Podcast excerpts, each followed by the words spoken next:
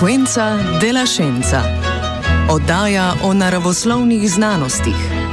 Vsako drugo nedeljo ob 12.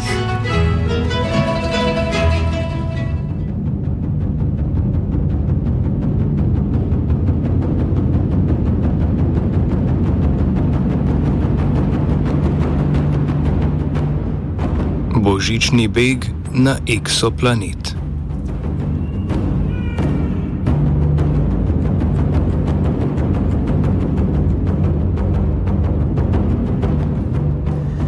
Bliža se božič in morda si kdo želi, da bi se kot v filmu z božičnimi sanmi odpeljal v nebo. Daleč stran od tu. V današnji oddaji Frekvenca Delašenca bomo preučili, ali bi se lahko za božič odpeljali na eksoplanet. Ali nas tja lahko popelje voz z upreženimi jeleni in zakaj ne, ter kakšna je verjetnost, da na našem potovanju srečamo kakšno zanimivo bitje.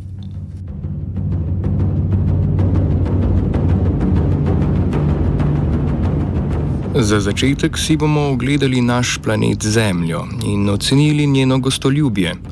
Ošinili bomo katastrofe, ki so se Zemlji prigodile v njeni dolgi zgodovini in pogledali v prihodnost, da bi videli, kaj Zemljo še čaka. Preostanek odaje pa bomo govorili o potovanjih na eksoplanete in možnosti, da bi ob obisku planetov tam našli življenje.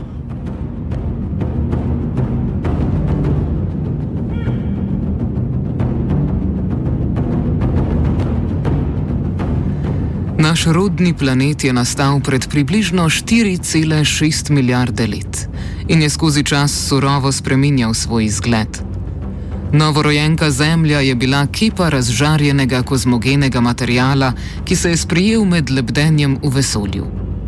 Tekom let je Zemlja postajala gostoljubnejša. Pred 3,8 milijarde let lahko že govorimo o prvem življenju na Zemlji.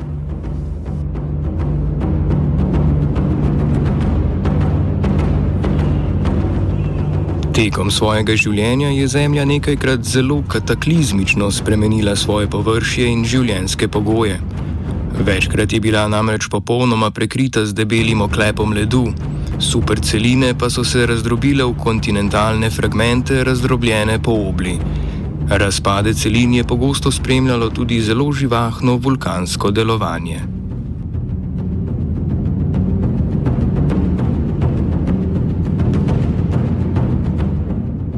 Ob kataklizmah je pogosto prihajalo do množičnih izumiranj. V geološki zgodovini sicer beležimo pet večjih izumrti, a gotovo je bilo najbolj množično izumrtje na meji med paleozoikom in mezozoikom. Zgodilo se je pred 251 milijoni let, ko je na zemljini obli kraljevala celina Pangea.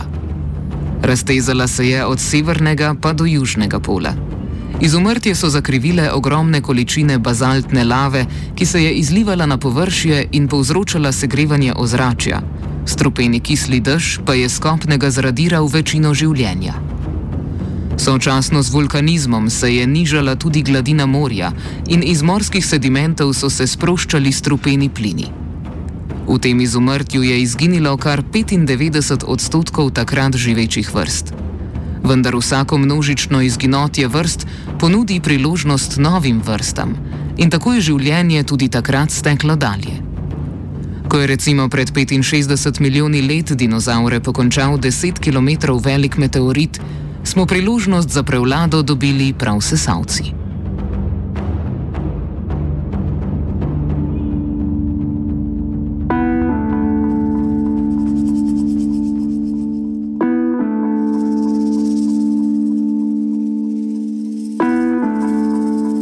Sedaj pa pokukajmo v zemljino prihodnost, da vidimo, kaj nas čaka, če ostanemo na rodni grudi.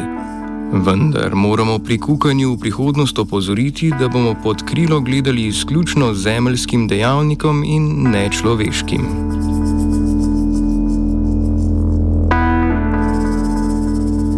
Zagotovo bomo priča temperaturnim spremembam.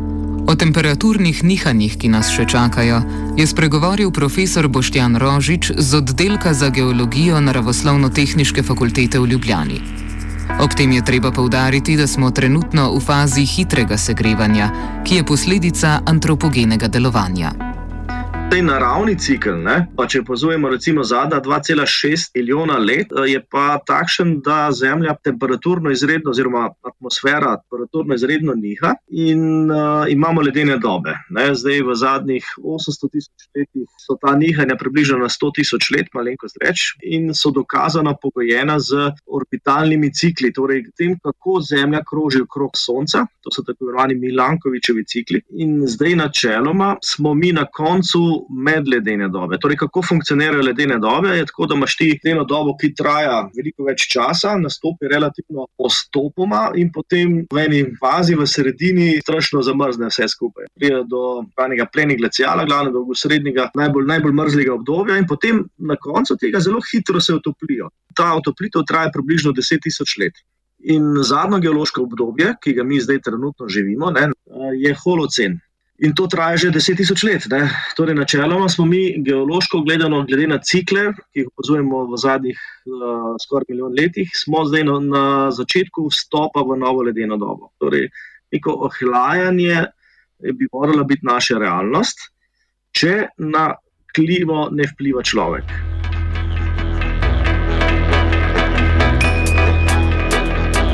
Temperatura je eden ključnih dejavnikov, ki lahko katastrofalno vplivajo na zemljino biosfero, predvsem na kopensko življenje. Ne glede na to, ali je temperatura visoka ali nizka, je oboje lahko pogubno.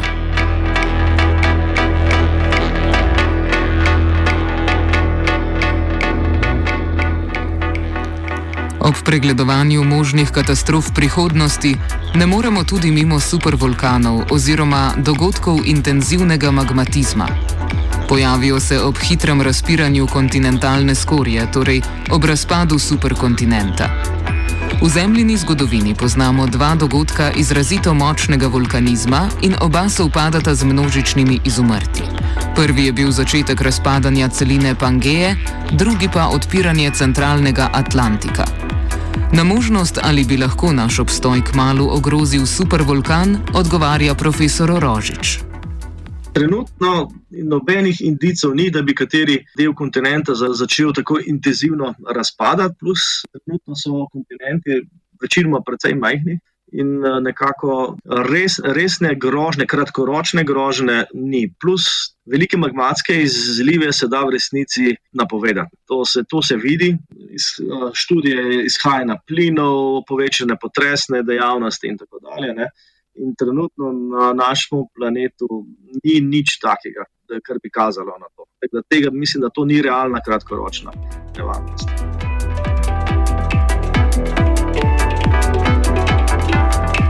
Vendar to postane popolnoma drugačna zgodba, ko govorimo o nastanku supervulkanov na dolgi rok, torej čez več milijonov let. Kar se tiče pa dolgoročnih sprememb, torej v naslednjih milijonih let, je pa sigurno prej kot slej, no, to razči zemljina zgodovina, bo prišlo do nastanka nekih supervulkanov, takih res tam močnih, takih v zapisani zemljski zgodovini nimamo ampak bo prišlo do takih močnih erupcij, tako da to bo pa sigurno vplivalo na, na dolgi rok, na celotno življenje na kopnem, ne samo človek. Uh, ali pa tudi, no, ok, potencialno lahko tudi kakšen meteorit pade, ampak verjetnost uh, za to, da bi bil ta res usoden, je relativno majhna.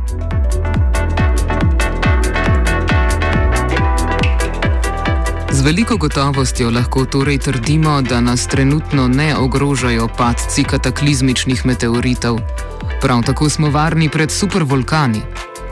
Vendar se bodo zemljini kontinenti brez dvoma ponovno združili. Takrat bo prišlo tudi do velikih sprememb temperature ozračja, prav tako se bo spremenil oceanski režim, možnosti za izumiranje vrst pa bo ogromno. Ko bo ta bodoči superkontinent razpadel, pa bo Zemlja znova izpostavljena supervulkanizmu in po vsej verjetnosti še enemu množičnemu izumiranju. Ampak. Trenutno ne, imamo razpiranje recimo, kontinentov na območju Atlantika, na območju Indijskega oceana in tako dalje. Ne. Zdaj, preko slej uh, se bodo kontinenti začeli nazaj sestavljati v supercelino. Torej, kontinenti oziroma uh, litosferske plošče imajo to navado, da vsak, vsake toliko časa sestavijo en takšen superkontinent. Potem je, imamo eno obdobje, ko se dogaja bore malo tektonske dejavnosti, ne, temu to rečemo neko obdobje mirovanja, ne, in potem pride pa hiter razpad, ne, in ta hiter razpad je kritičen. Zdaj, zaenkrat smo še v fazi oddaljevanja kontinentov med sabo. Vemo, Amerika gre par centimetrov na leto stran od Evrope, ali pa Južna Amerika stran od Afrike in tako dalje. Uh, sigurno se bo to obrnilo in so pač neki klici, ne, oziroma neke projekcije obstajajo, malo vprašali, na čem temeljijo. Jaz sem jih pač že opazil. Ne. Sam Atlantik naj bi počasi se začel zapirati, ne, to je ena od opcij. Čez enih 200 milijonov let uh, naj, bi se, naj bi zginil in potem uh, se bojo spet celine v veliki meri sestavljene nazaj. Avstralija itak je že zelo blizu uh, Azije, ne, se že delno celo tam na območju vzhodne Indonezije, pri Timorju, pa Floresu, pri tistih otokih se že malo podriva celo. Ne.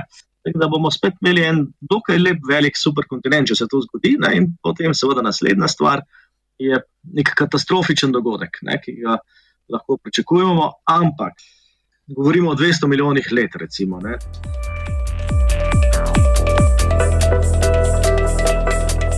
Pravzaprav živimo v idealnem časovnem obdobju.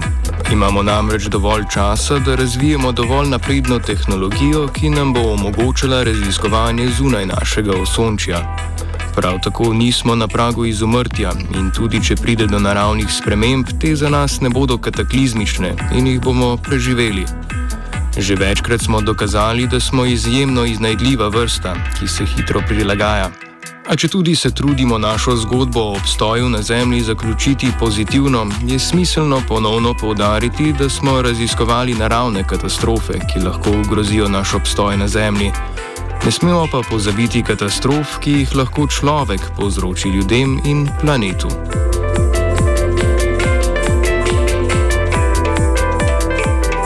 Ne glede na vrsto katastrofe, pa človeški rod že sanja o zapuščanju Zemlje.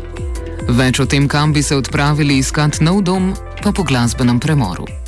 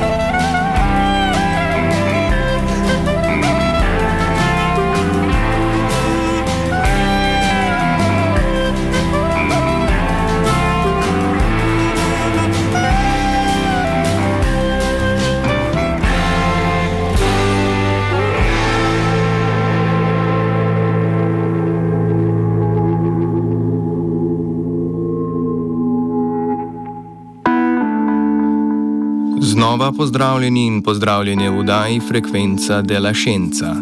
Do sedaj smo raziskovali naravne katastrofe, ki bi lahko Zemljo prizadele v naslednjih nekaj milijonih let. Ob omembah pogubnih nesreč pa se nam porajajo nova vprašanja. Kam bi torej šli, če bi morali zapustiti planet?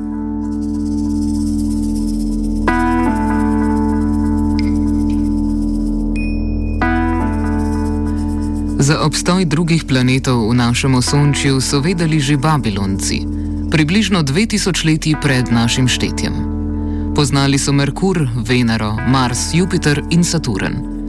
Preteči je moralo približno 3700 let, da so astronomi in astronomke odkrili Uran, in še novih 65, da so odkrili Neptun. Leta 1988 pa smo odkrili prvi planet, ki je v orbiti druge zvezde kot je naše Sonce. Kako planeti sploh nastanejo?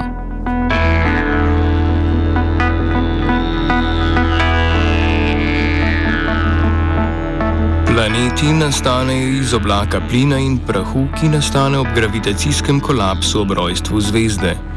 V kolapsu večina mase pristane v zvezdi, določen delež pa ostane v akrecijskem disku. Delci se med seboj gravitacijsko še naprej privlačijo in se počasi lepijo skupaj. Tako nastane pesek, pesek se zlepi v kamne, ti v skale in tako nastanejo osnove za kamnite planete. V hladnejših predeljih diska, kjer voda zmrzne, se koščki ledu primejo prašnih delcev in s podobnim združevanjem nastanejo ogromne prašne ledene kepe. Te lahko postanejo dovolj masivne, da privlačijo in upočasnijo molekule plina in tako nastanejo plinasti in ledeni planeti. Ker so ti planeti praviloma veliki in poberejo večino materijala z diska, se kamniti planeti zato formirajo precej počasneje. Za Jupiter in Saturn predvidevajo, da sta se oblikovala v prvih desetih milijonih let nastanka Osončja, medtem ko sta Venera in Merkur potrebovala še nekajkrat toliko.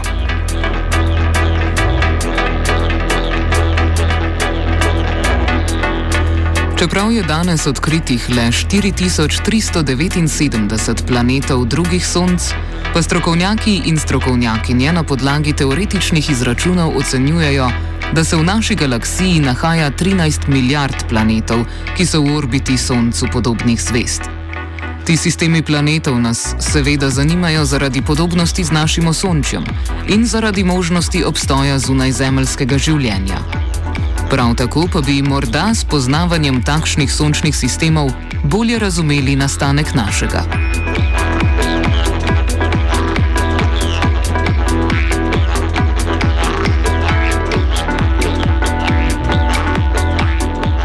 Zdaj, ko vemo, da planetov v galaksiji ne primankuje, smo postavljeni pred nalogo, da jih odkrijemo. O osnovah detekcije eksoplanetov smo povprašali profesorja dr. Tomaža Cvitra z Fakultete za matematiko in fiziko Univerze v Ljubljani. Marsikdo bi si predstavljal, da planete odkrijemo tako, da vidimo eno še kar svetlo pikco zraven zelo svetle zvezde pa je to pravzaprav zelo redko. Uh, tipično bomo planete odkrili tako, da ker krožijo okrog zvezde, tudi zvezda mečken kroži okrog planeta, pač tako si podajata in ta zvezda se mečken oddaljuje, pa približuje Zemlji, pa podobno gre malo levo, pa malo desno in to so metode. Se pravi, gledamo natančen položaj zvezde, kako se spreminja s časom. In tako vemo, da pleše okrog nečesa, kar da vidimo, in če je masa tega, taka, kot jo imajo planeti. Potem smo odkrili en, lahko pa tudi več uh, planetov. Tako da odkrivanje planetov je danes nekako rutinska zgodba. 4000 in več jih že poznamo, okrog drugih sonc. Um, je pa zgodba, seveda, točnosti. Ideja sama je stara 200 let, Eh, točnost, ki jo potrebujete, je pa prišla šele v zadnjih, recimo, 20 letih, in zaradi tega, seveda, od leta 95 planete odkrivamo na tekočem traku, prej jih pa nekako ni bilo.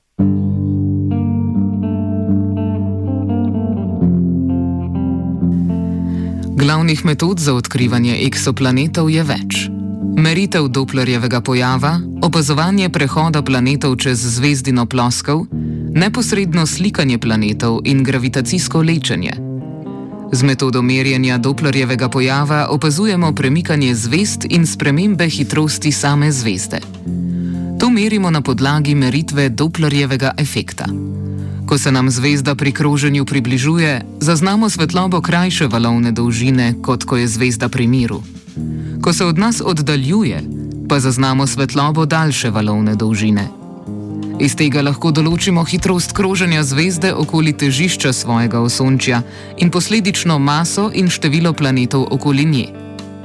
S to metodo so odkrili največ planetov do sedaj, med njimi tudi prvega odkritega leta 1988.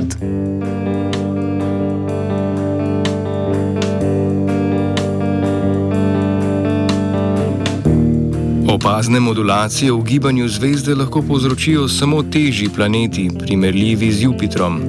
Zato z opisano metodo ne moremo iskati Zemlji podobnih majhnih planetov.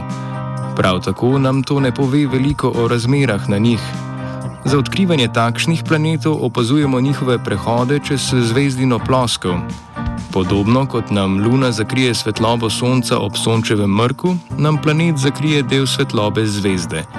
Če torej merimo svetlobni tok, ki prihaja z zvezde, je med planetarnim mimohodom izsev svetlobe proti opazovalni napravi na Zemlji začasno zmanjšan, oddaljena zvezda pa se nam tako zdi temnejša. S to metodo je lažje odkriti manjše planete kot pri merjenju Dopplerjevega pojava, vendar ima tudi svoje omejitve. Z njo lahko opazimo le planet, ki zaide med Zemljo in svojo matično zvezdo. Ostalih planetov torej ne bomo opazili. S to metodo je NASA v štirih letih odkrila več tisoč planetov.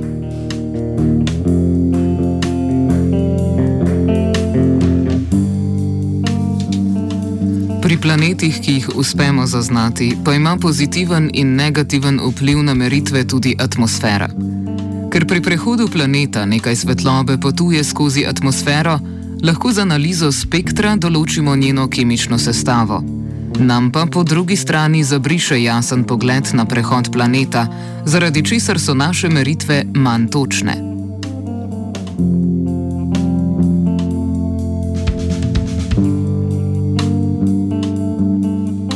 Med novejše metode spada neposredno slikanje planetov. Težave nam pri tem povzroča dejstvo, da je zvezda nekaj milijonkrat svetlejša od planeta in tako temni planet ni viden. Astronomi in astronomke si pri tem pomagajo s svetlobnim ščitnikom, ki deluje na podoben način kot vizir v avtu ali kapa s ščitkom, ki nam zasenči močan si sonca. Tak ščitnik lahko ustavimo v notranjost teleskopa na Zemlji ali pa pred vesoljskim teleskopom razprostremo ogromen senčnik, ki zastira svetlobo zvezde, še preden ta pride do teleskopa. S to metodo so do sedaj odkrili le 51 planetov.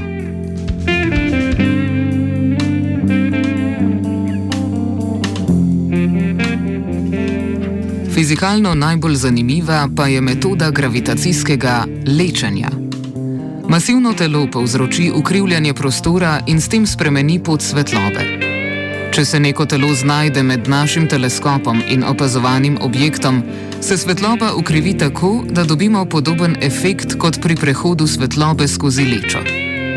Naš opazovani objekt se zaradi tega poveča in posvetli oziroma leči. Če se leči eksoplanet, ga zaradi povečane slike tudi lažje opazujemo. Ker pa je gravitacijsko lečenje precej redek pojav, je ta metoda nekoliko nepraktična, saj nam omogoča opazovanje le tistih planetov, ki se po naključju znajdejo na pravem mestu.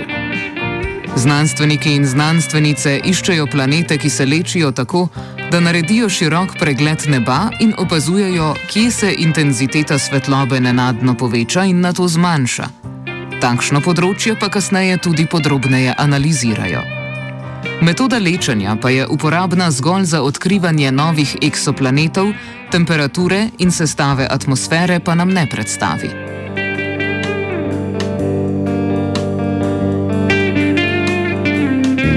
Zdaj torej vemo, kako odkriti in opaziti eksoplanete. Kakšne vrste drugih osončij pa poznamo? Profesor Cviter pravi: Seveda, ko smo razmišljali, ali imajo tudi druge zvezde lahko planete, je bil splošen odgovor ja. Če bi me recimo 30 let nazaj vprašali, ja, kakšni pa so ti planeti okrog drugih zvezd, bi bil odgovor učiten.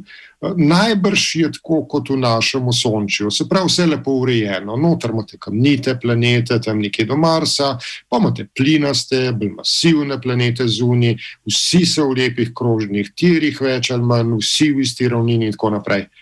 Ja, skazalo se je, da ima narava več domišljije kot mi sami, in na koncu se kaže, da najdete planete, ki so precej bolj masivni od Jupitra, se pravi, taki plinasti orjaki, ki so pa bližji svojemu Soncu, kot je, kot je Merkur.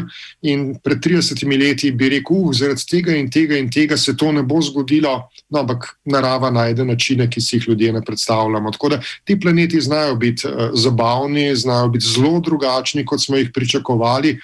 Včasih, včasih pa najdemo cel harm planetov okrog posamezne zvezde, naprimer um, zvezda Trapist, ena, tako ime imam, da je po nekem belgijskem pivu.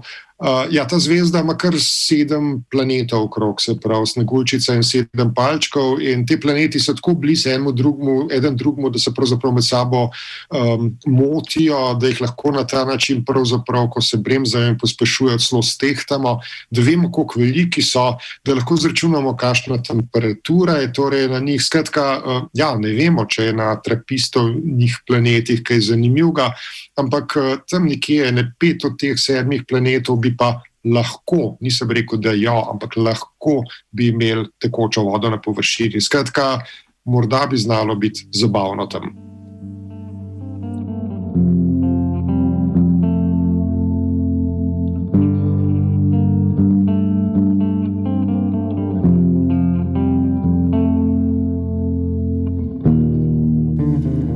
Bolj od značilnosti planetarnih sistemov pa nas zanimajo pogoji na takih planetih. Temperaturo planeta, ki nas ponavadi najbolj zanima, lahko izračunamo relativno enostavno. Zato potrebujemo svetlobni izsev zvezde, ki ga merimo s teleskopom, ter oddaljenost planeta od zvezde. Slednjo dobimo najenostavneje iz opazovanja dolžine prehoda planeta, saj dalj časa, kot traja prehod, dlje se planet nahaja. Za iskanje zunaj zemeljskega življenja pa nas še posebej zanima tako imenovano naseljivo območje. To je pas okoli zvezde, ki je ravno dovolj oddaljen, da temperatura v njem omogoča obstoj tekoče vode. Ker pa ima na temperaturo planeta veliko vlogo tudi atmosfera, se naseljivo območje lahko spreminja glede na različne type planetov.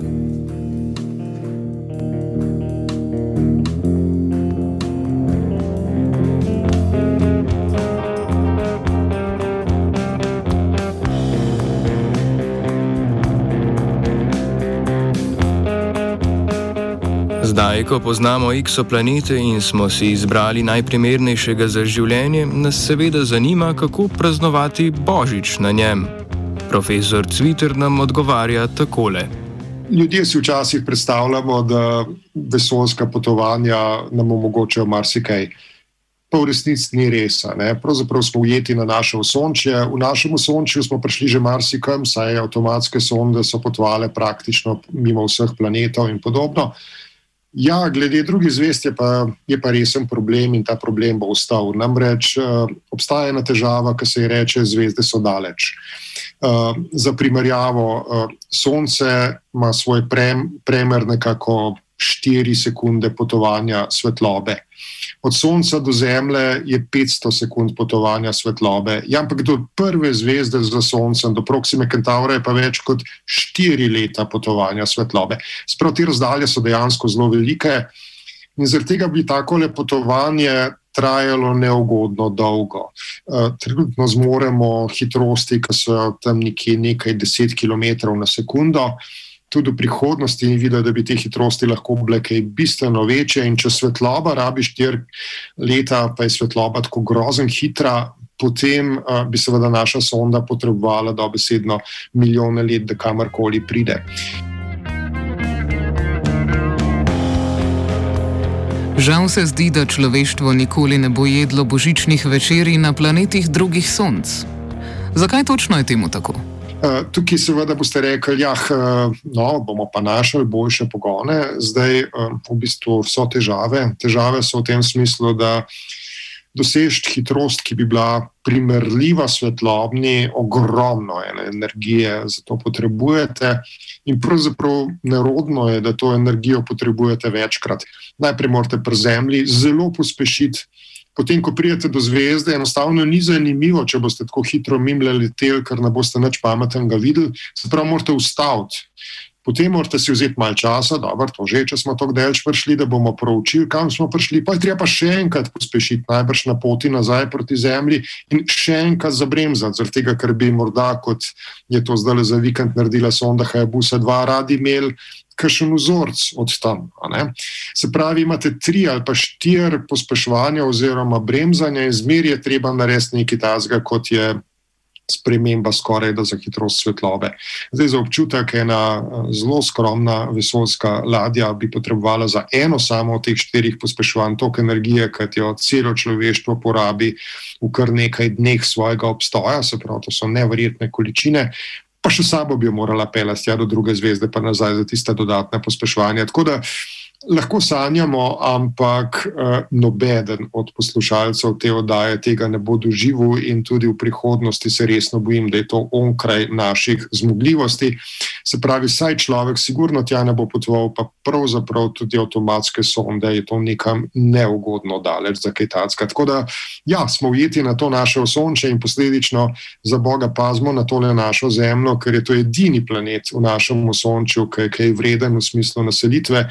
In če ga bomo zasuštrali, potem, potem smo pečeni, kot se temu lepo reče. Tako da, uh, ja, uh, že razmišljamo o drugih planetih, zabavno jih je odkrivati, morda je tam celo kaj zanimivega, morda je tam celo življenje, ne vemo, ampak tja ne bomo šli in to še zlepane.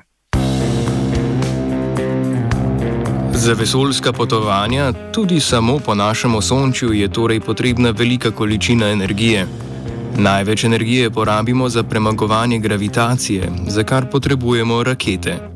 Te delujejo po principu pospeševanja z odmetavanjem mase, zato je njihov doseg relativno kratek. Ker je hitrost rakete odvisna od mase, ki jo odvržemo, je vedno više hitrosti nemogoče dosegati. Poenostavljeno, večja raketa bo porabila enak odstotek svoje mase za pospešitev do enake hitrosti. Start zemlje in zračni upor pa nam še dodatno obremenita krivuljo učinkovitosti. Poprečna raketa namreč porabi 98 odstotkov svojega goriva, da doseže hitrost, s katero lahko zapusti Zemljo. Vsakršna masa, ki je raketa ne uporabi za pospeševanje, nam še bolj otežuje delo, tako da nosilnosti raket ne presegajo 100 ton. Težave delno reši večstopensko pospeševanje, vendar se raket ne uporablja za potovanje po osončju.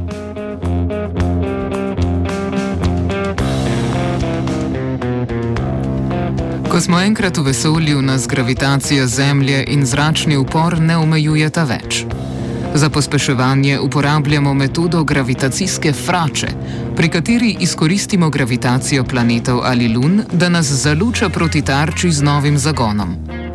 Plovilo obkroži objekt in pri tem pospeši ter se izstreli z višjo hitrostjo naprej. Na ta način lahko pošljemo sonde na dolga potovanja po osončju brez dodatnih pogonov. Zanašanje na gravitacijsko fračanje pa znatno podaljša čas potovanja. Po tej metodi denimo pot na Mars traja 10 let. Zaradi tega ni primerna za človeške ekspedicije.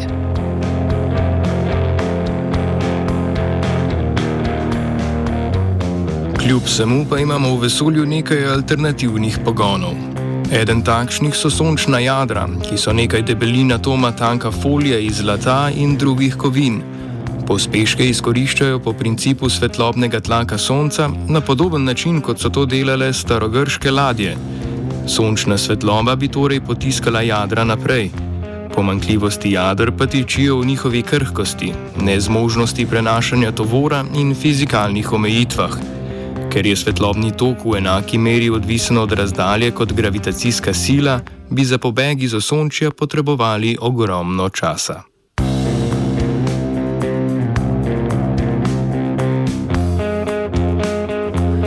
Podoben problem s prenosom tovora pa ima tudi najbolj uporaben alternativni pogon, ionski motor. Deluje tako, da z visoko napetostjo pospešuje ione ksenona in tako doseže relativno velike spremembe hitrosti. Njegov izkoristek je desetkrat boljši od motorjev na tekoče gorivo in je zato zelo pomemben način pogona lažjih satelitov in medplanetarnih izstrelkov. Zaradi majhnega potiska in kratke življenjske dobe pa se ga za potovanja človeka ne more uporabljati.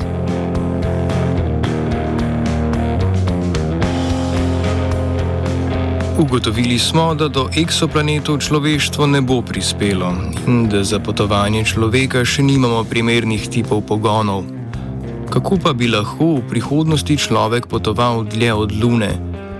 Kot že omenjeno, nam zdaleč največjo težavo predstavlja start Zemlje, zato bi rešitev predstavljala tovarna raket in sončnih jader v vesolju, s katere bi se odpravili na pot in tako lahko prišli na marsikateri konec osončja.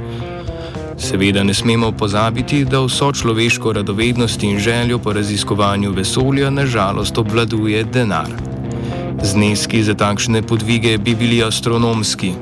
Lahko sanjamo o idealnih načinih potovanja, o vesoljskih tovarnah, laserjih na Luni, človeku na Marsu in kolonijah na drugih objektih osončja, a dokler bomo porabili za to več denarja kot energije, se ne bomo premaknili nikamor.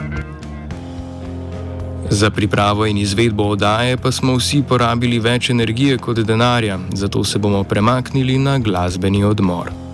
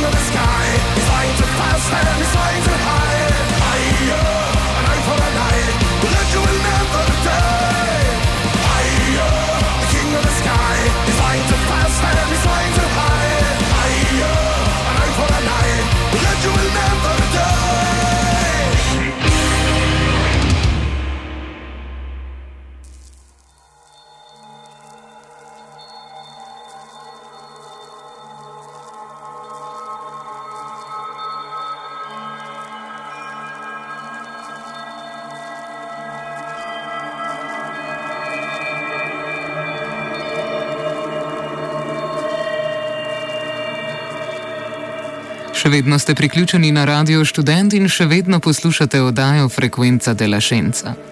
Še vedno ste na zemlji.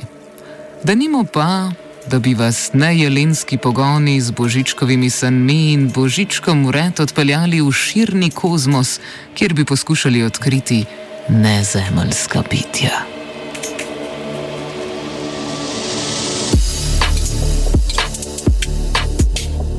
Na eksoplanetu, planetu v orbiti neke druge zvezde, bi se lahko življenje razvilo na popolnoma drugačen način. Čeprav nimamo ekstremno veliko informacij, pa bi lahko o tem sklepali iz načina življenja ekstremofilov.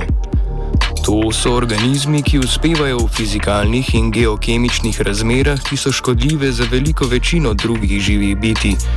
Ta okolja so recimo zelo vroča, zelo mrzla ali pa zelo slana.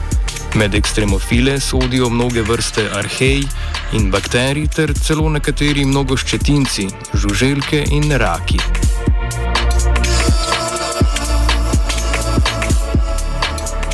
Če iščemo navdih za razmišljanje, kako bi se lahko bitje prilagodilo življenju na eksoplanetu, so ekstremofili pravi naslov. Na nekaterih eksoplanetih namreč vladajo ekstremni pogoji, ki jih lahko najdemo tudi na določenih področjih Zemlje. To so naprimer vulkanska in ekstremno hladna področja, kjer lahko odkrijemo ekstremofile. In ravno s preučevanjem njihovega načina življenja so se v zadnjih dveh desetletjih premikale meje naših predstav, kje vse se lahko življenje razvije in vzdrži.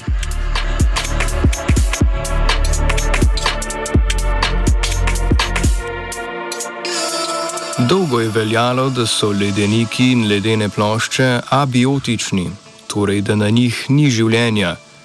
Danes pa vemo, da to ne drži. V teh okoljih namreč najdemo tudi aktivno življenje in ne le fosilnih ostankov iz prejšnjih obdobij. V mikrokapilarah, ki ovijajo ledene kristale, se nahaja življenje. V njih se žive celice delijo in vršijo metabolizem. Tako vemo, da obstaja življenje tudi v tako ekstremnem okolju, kot je ledeni pokrov.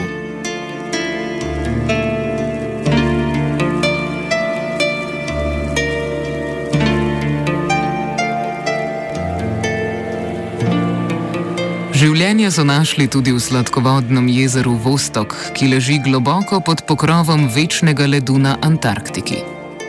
Vendar o jezeru in njegovih mikroskopskih prebivalcih še ne vemo toliko, kot bi si želeli. Tudi o hidroloških značilnostih jezera zaenkrat sklepamo zgolj na podlagi različnih modelov in drugih posrednih metod. Stalen šibak dotok geotermalne energije v jezeru prispeva k počasnemu kroženju vode, kar pa na površini povzroča taljenje ledenega pokrova. Pokrov na to znova zamrzne. Na ta način se na nekaterih mestih tvori več kot 100 metrov debela plast ponovno zamrznjenega ledu.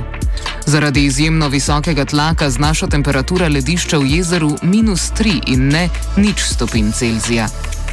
Ravno zaradi teh novo odkritih ekstremnih pogojev je jezero v zadnjem času dobilo veliko pozornosti znanstvene skupnosti.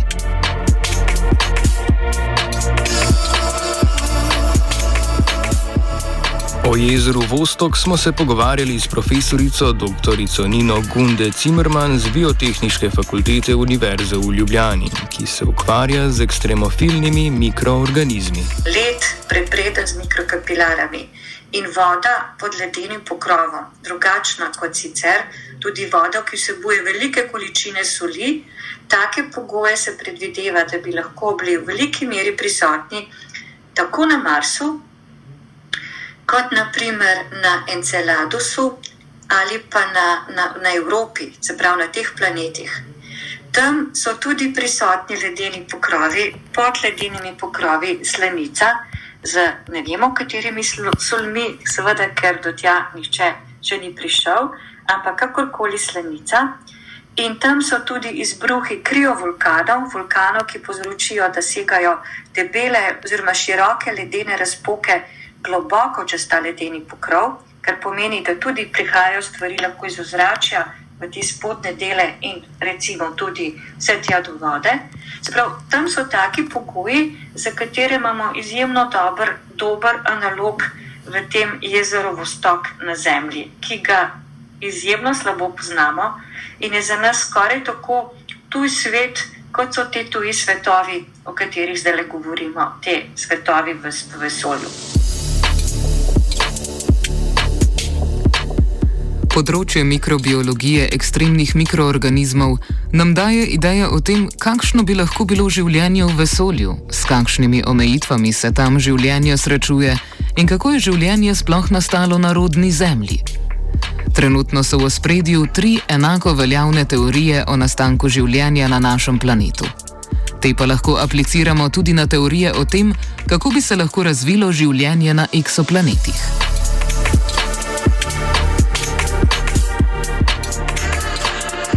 Prva teorija nastanek življenja umesti v skrajno vroče vulkansko okolje z ozračjem brez kisika. Ogromno energije je bilo prisotne v obliki strel in geotermalne energije. Prva oblika življenja bi tako lahko bila prilagojena na temperature nad 100 stopinj Celzija in na okolje brez kisika.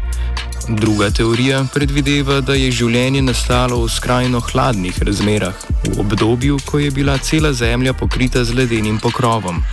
Takšni pogoji trenutno vladajo na Marsu in na Jupitrovi luni Evropi.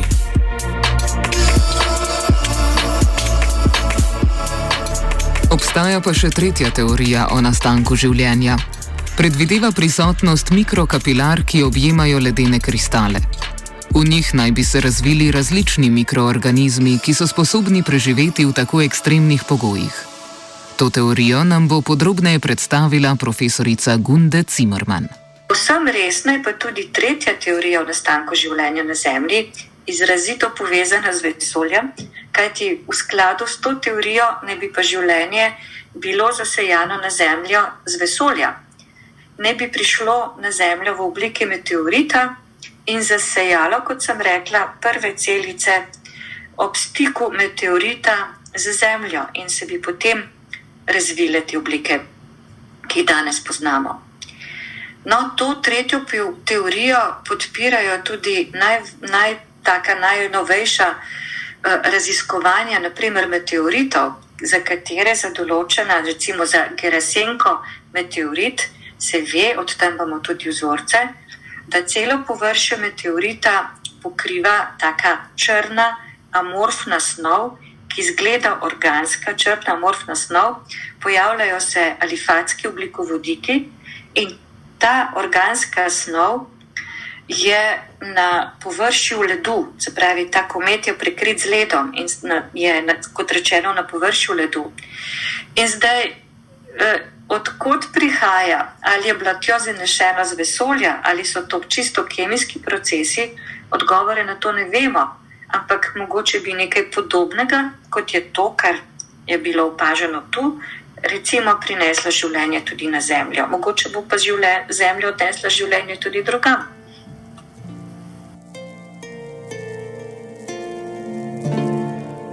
Obstaja pa tudi možnost, da se je življenje razvilo večkrat morda celo nekajkrat po prvi in nekajkrat po drugi teoriji. Vmes naj bi prišlo do srečanja z meteoritom, ki je verjetno izbrisal takratno življenje, pa naj je nastalo v vročih ali hladnih razmerah. Tako obstaja možnost, da je življenje nastalo celo večkrat, dokler niso pogoji dopustili obstanka.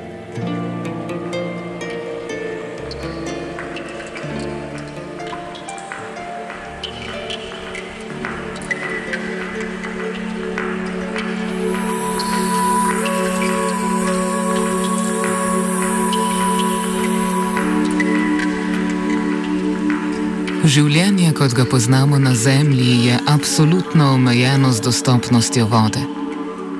Voda je namreč ključni del skoraj vseh metabolnih procesov, ki so potrebni za delovanje organizma.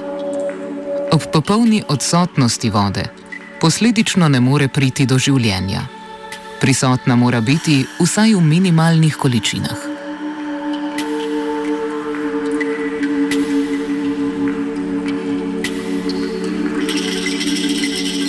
Voda je lahko prisotna tudi v ogromnih količinah, a je, je vseeno le navidezno veliko.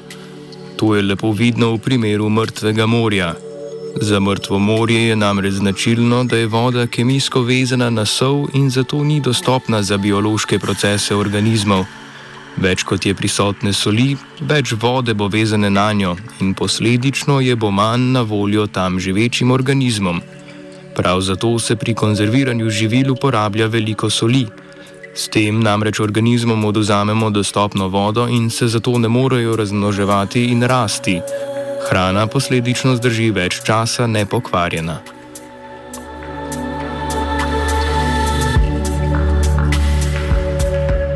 Obstajajo različne prilagoditve na koncentracijo soli v okolju.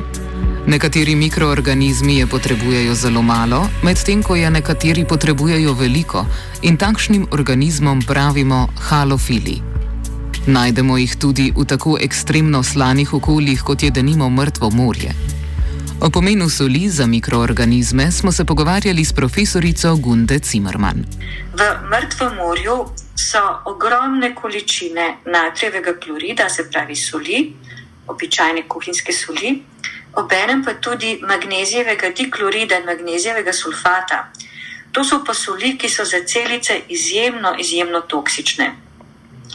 Ker če uderejo magnezijevi ioni v celice, poderajo hidratacijske voje okrog beljakovin in praktično taka celica propade. Se pravi, ob teoretični predpostavki življenje v mrtvem morju ne, naj ne bi bilo mogoče, pa vendar vemo, da je. Tam živijo izjemno dobro, res specializirani, eh, dobro prilagojeni, specializirani mikroorganizmi. No, in vidite, taka izjemno slana voda, ki ima biološko vezano vodo, za take slane vode predvidevamo tudi, da ne bi bile na drugih planetih. Pod tistimi ledenimi pokrovi, ki se bi že prej omenjala. Se pravi, po eni strani ogromen leden pokrov, spodaj pa voda, nasičena z solmi, lahko zelo podobne sestave kot to, kar smo se pogovarjali na primeru Mrtvega morja.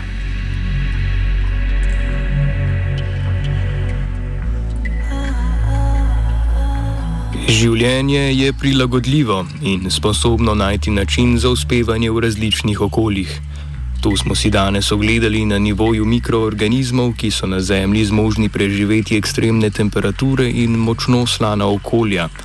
Prav tako lahko tudi v vesolju na različnih eksoplanetih srečamo neprijazne pogoje, v katerih bi se potencijalno življenje razvijalo na drugačen način.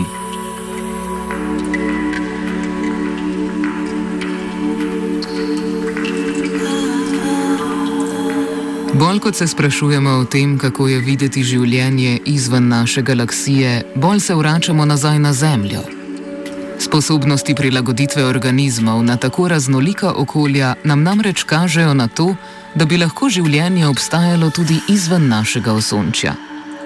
Kljub temu pa nimamo nobenih informacij o življenju na eksoplanetih. Lahko sklepamo, da bi si življenje vseeno lahko utrlo svojo pot tudi tam.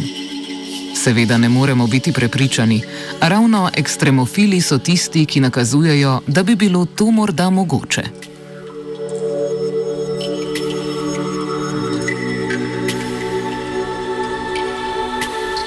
Tem zaključujemo današnjo oddajo in tudi zadnjo letošnjo frekvenco Dela Šenco. Sprehodili smo se tako skozi čas kot skozi prostor, vse od nekdanjih katastrof na Zemlji pa daleč, daleč stran in naprej do eksoplanetov in iskanja novega življenja. Kaj pa nas čaka v bližnji prihodnosti? Gotovo bo to še ena frekvenca Dela Šenca, tudi šele naslednje leto. Vabljeni k poslušanju zopet 3. januarja ob isti uri.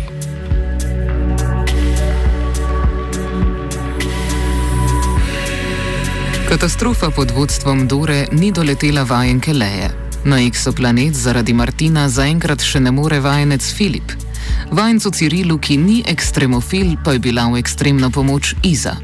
Z božičkovih sani je dogajanje opazovala živa.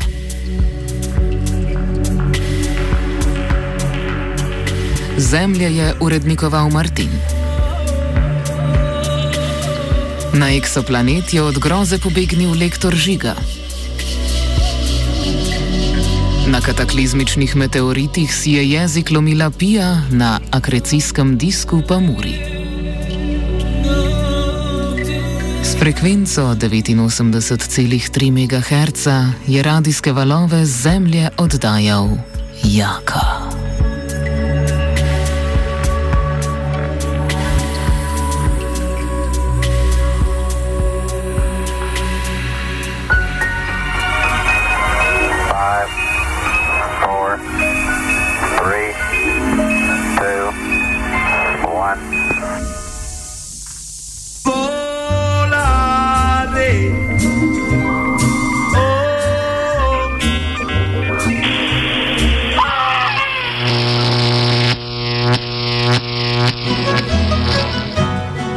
Frekvenca della Scienza. Oddaja o naravoslovnih znanostih. Vsako drugo nedeljo ob 12.